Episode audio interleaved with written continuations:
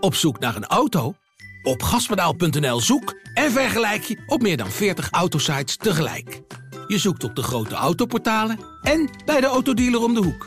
Je hebt het grootste aanbod en maakt daarom de beste vergelijking. En zo mis je nooit meer een auto. Zoek en vergelijk op gaspedaal.nl. Hi, mijn naam is Corine Kolen en je luistert naar De Liefde van Nu.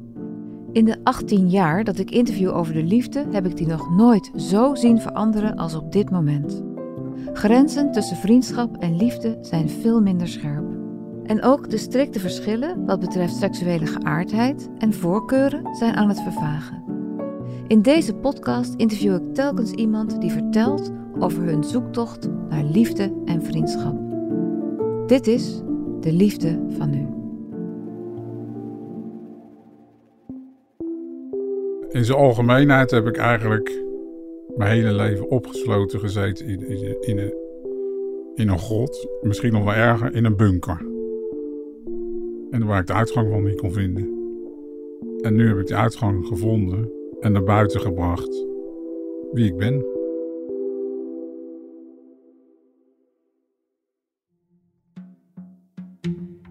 Vanaf een bepaald moment in mijn leven, ik weet niet meer wanneer, is het eigenlijk iedere dag wel in mijn hoofd gekropen. Of werd ik ermee geconfronteerd of liep ik erover te denken.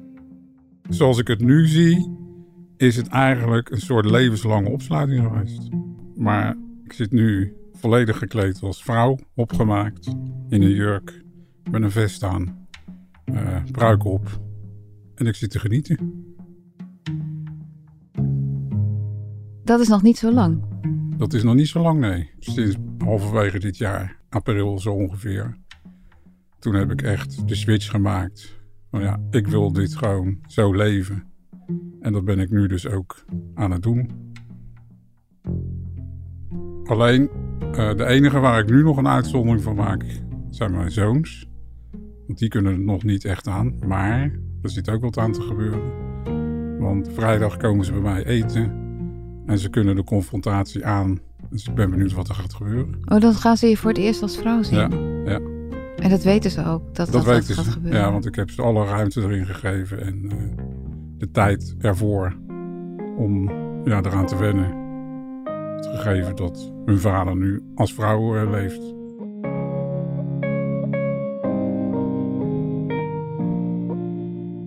Maar waarom nu pas? Want ik kan me voorstellen dat je daar heel veel eerder mee uh, in je hoofd zat. Ja. Het ontstond als een, uh, als een spelletje met mijn zus op mijn slaapkamer. Van uh, zullen we mekaars kleren aandoen? Nou, dus dat vond ik wel leuk. En ik trok haar kleren aan. En ik voelde me gelijk op mijn gemak daarin. Het is heel moeilijk uit te leggen wat er gebeurt. Het is gewoon een gevoel. Het is hetzelfde als dat je zegt van, aan iemand: waarom word je verliefd op iemand? Ja, dat is ook heel moeilijk onder woorden te brengen. Het voelde gelijk als een soort thuiskomen. Daarna gingen de kleren weer uit naar, die, uh, naar dat speelkwartier als het ware. En uh, ja, toen is het eigenlijk weer weggestopt, of ja, weggegaan. En op een gegeven moment kwamen die gevoelens toch weer naar boven. Maar ja, ik vind het wel leuk om meisjeskleren aan. Ik had op een gegeven moment ook wel toen eigenlijk al door van het is eigenlijk wel een beetje raar, hè? Dat je het leuk vindt om als meisje rond te lopen. Dus ik ben dat stiekem gaan doen. En wat deed je dan precies? Ja, dan pikte ik ondergoed. En dan trok ik dat aan. Van je zus? Ja, ja. We wonen met z'n zessen thuis, dus er waren niet echt heel veel momenten dat, uh, dat iedereen weg was. Dus ik moest wachten op die momenten. Dat was dan zo rond je twaalfde. En hoe, werd het, hoe ging het toen je ouder werd? Toen je meer volwassen werd? Toen je misschien het huis uitging? Ja, dat, dat is eigenlijk altijd zo gebleven. Uh, ja, tot ik inderdaad het huis uitging en dat ik op mezelf ging wonen. Dus toen kon ik het wel gaan doen. Maar er was kleding er niet in mijn huis. Dus dat was ook weer lastig. En ook weer uh, bang om het te gaan kopen. Want in die tijd kon je ook nog niet zo via internet bestellen zoals het nu is.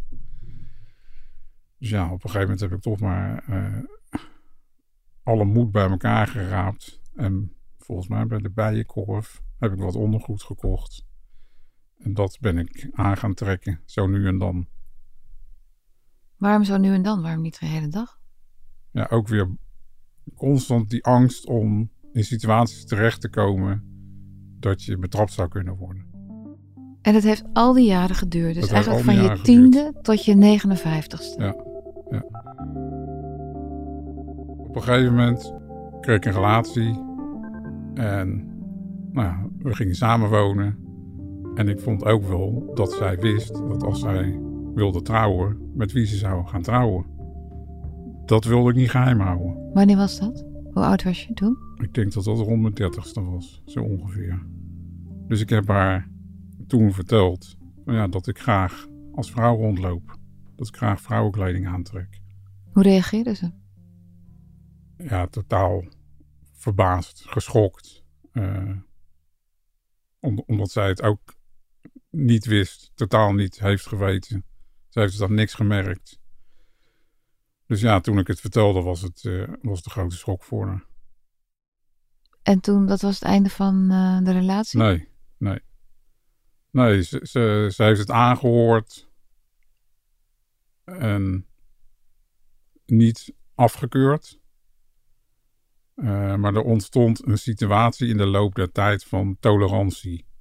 Ze vond het oké dat ik het deed. Maar ze moest eigenlijk niet eh, ge- mee geconfronteerd worden. Zolang zij er maar geen last van ja, had. zolang zij er maar geen last van had. Je wezen werd getolereerd, maar niet Ja. omhelst. Ja, ja. Ze, ze heeft nooit verteld eh, dat het mee heeft gespeeld in de scheiding. Maar ik ben ervan overtuigd dat het wel zo is geweest. En Wat was het moment dat je dacht, en nu is het genoeg. Nu is het genoeg. Nu wil ik gewoon samenvallen met wie ik ben. En ik wil dat mensen mij accepteren en niet tolereren. Er zijn een paar belangrijke dingen geweest in de afgelopen vijf jaar. De eerste is het overlijden van mijn moeder. Mijn moeder heeft in haar leven diverse malen laten merken en verteld dat ze nooit het leven heeft geleefd wat ze werkelijk had willen leven. Zij is heel jong moeder geworden, in jonge tijd vier kinderen gekregen en werd huisvrouw, terwijl ze diep in de hart andere dingen had willen doen in het leven. En eh, eigenlijk heeft ze de leven lang net zo opgesloten gezeten als dat ik heb gezeten. Dus zij heeft haar leven geleefd en heeft zich gevoegd naar omstandigheden en situaties. Is mijn vader constant gevolgd en heeft zich daarin aangepast, constant, maar niet gelukkig. En dat merkte je ook aan haar, aan haar humeur. Ja, dat haar- merkte je. Ja. Toen ze overleed, ehm, toen heb ik op de dag van haar overlijden, toen was ze overleden, ik stond op het perron om naar Apeldoorn te gaan, want daar wonen zij en daar is ze overleden. Ik heb op het perron uitgesproken naar haar: Oké, het is jou niet gelukt om het leven te leven wat je werkelijk had willen leven. Ik ga dat wel doen. Voor jou, maar ook voor mezelf. Dat was de, de reden waarom je toen dacht, ik kom Ja. nu mee naar buiten. Toen ben ik er nog niet mee naar buiten gekomen. Dat is gekomen uiteindelijk na het overlijden van mijn broer. Wanneer overleed, overleed hij dan? Mijn broer is twee jaar geleden overleden. Kijk, en mijn broer, die heeft ervoor gekozen om een einde aan zijn leven te maken. Die, ja, dat blijkt na de hand, die is eigenlijk zijn hele leven lang chronisch depressief geweest. Dat was voor hem de bevrijding, omdat hij het leven niet meer aankon. Ja, dat was voor mij op dat moment echt zoiets van. En zeker ook eh, nadat ik verhalen hoorde bij zijn afscheid van vroegere vrienden en van zijn collega's. En het kwam er eigenlijk op neer. Iedereen vond het een fantastische man. Iedereen hield verschrikkelijk veel van hem. Er was er maar één die niet van hem hield. En dat was hij zelf. En dat was voor mij ook weer zoiets van: ja, Eno. Je moet nu echt wat gaan doen. Inmiddels had ik een relatie met een leuke vriendin. Dat was in datzelfde jaar, een paar maanden ervoor, is dat begonnen. Maar in december eh, had ik een time-out nodig voor mezelf om dingen echt helemaal op een rijtje te krijgen. Om het echt ja, te gaan doen. Want wist deze vrouw van jou, eh, Nee, op dat moment van de time-out nog niet. Helemaal niets. Nee, nee. Nou, en ik heb toen haar verteld van oké, ik ben Edo, maar ik ben meer dan een man. Er zit een vrouw in mij en die wil geleefd worden. En omdat ik een betere schrijver ben, ik kan heel goed woorden op papier neerzetten, heb ik dat voor mezelf een, een goed kloppend verhaal van gemaakt en dat heb ik haar gemaild. Kun je herinneren dat je op zend drukte? Ja, ja dat was. Dat, mijn hart die zat in mijn keel. En ik, ik, ik, ik wist ook dat dit een. Ja, een, een hele bepalende klik in mijn leven was. Hoe reageerde zij? Ze reageerde van, ja, ja, ik wist niet wat er was. Maar als dit het is, nou, eh, leef je leven. Ga ervan genieten. Of je nou als man of als vrouw rondloopt. Voor mij ben je Edo. Het gaat mij om de persoon. En daar hou ik van. Dus die hield behalve van het omhulsel ook van de binnenkant. Diep in mij wist ik ook eigenlijk wel dat er acceptatie zou zijn. We hebben elkaar niet voor niks ontmoet in deze fase van mijn leven.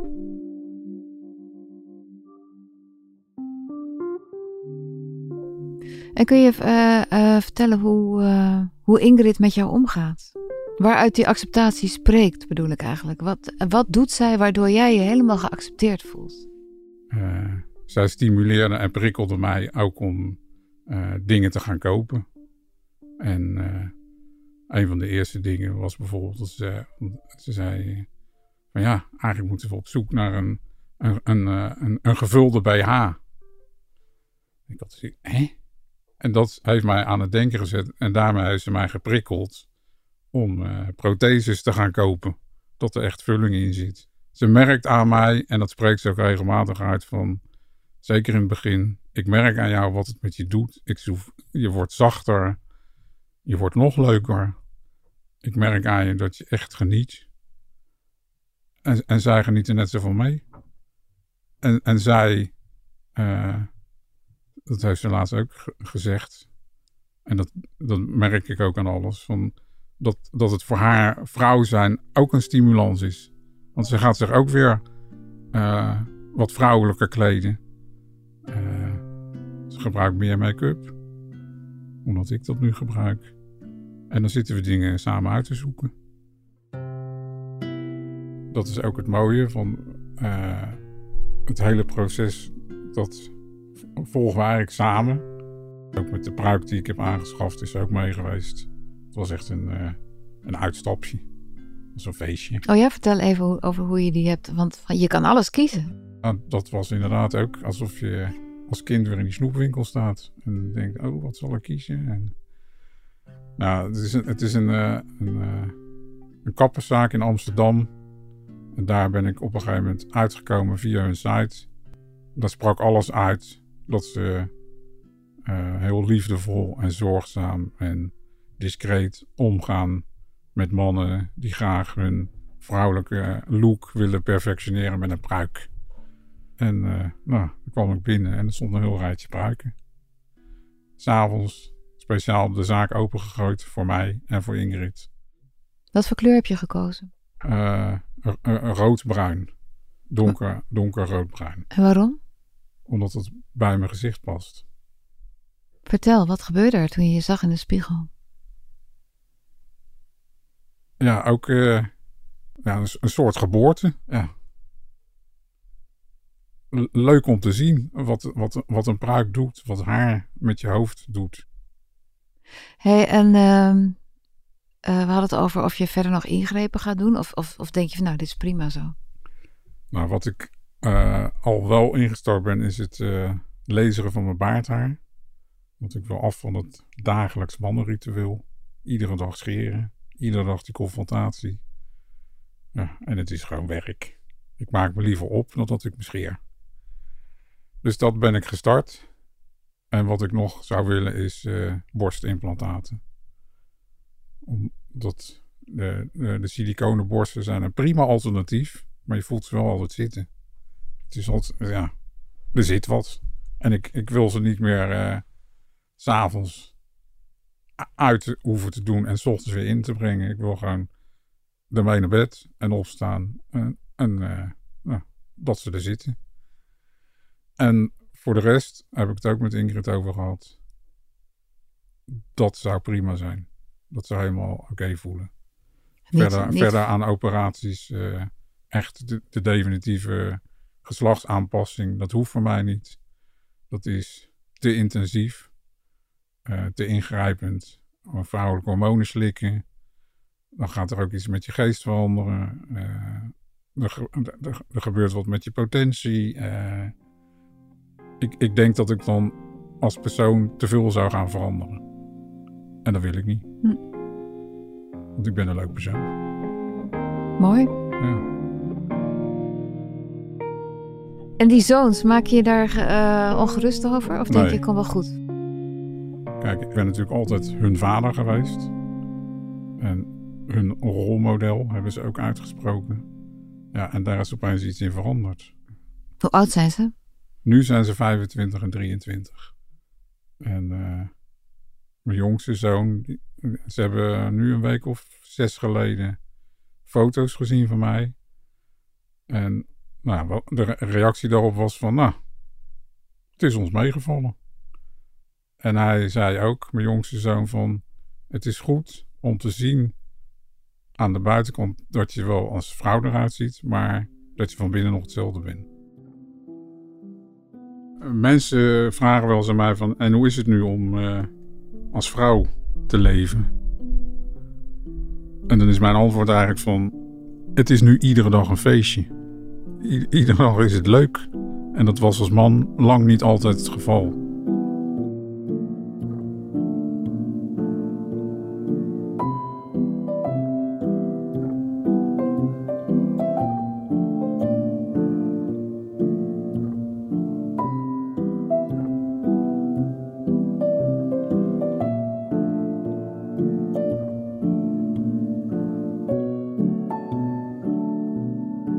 Dit was De Liefde van Nu. Wil je reageren of met mij in contact komen? Mail dan naar deliefdevanu@volkskrant.nl. Mijn naam is Corine Kolen. Ik maak deze podcast samen met Mona de Brouwer, tevens editor. Eindredactie en coördinatie is van Corinne van Duin en de begin- en eindmuziek is gemaakt door Juriaan de Groot. Dank je voor het luisteren.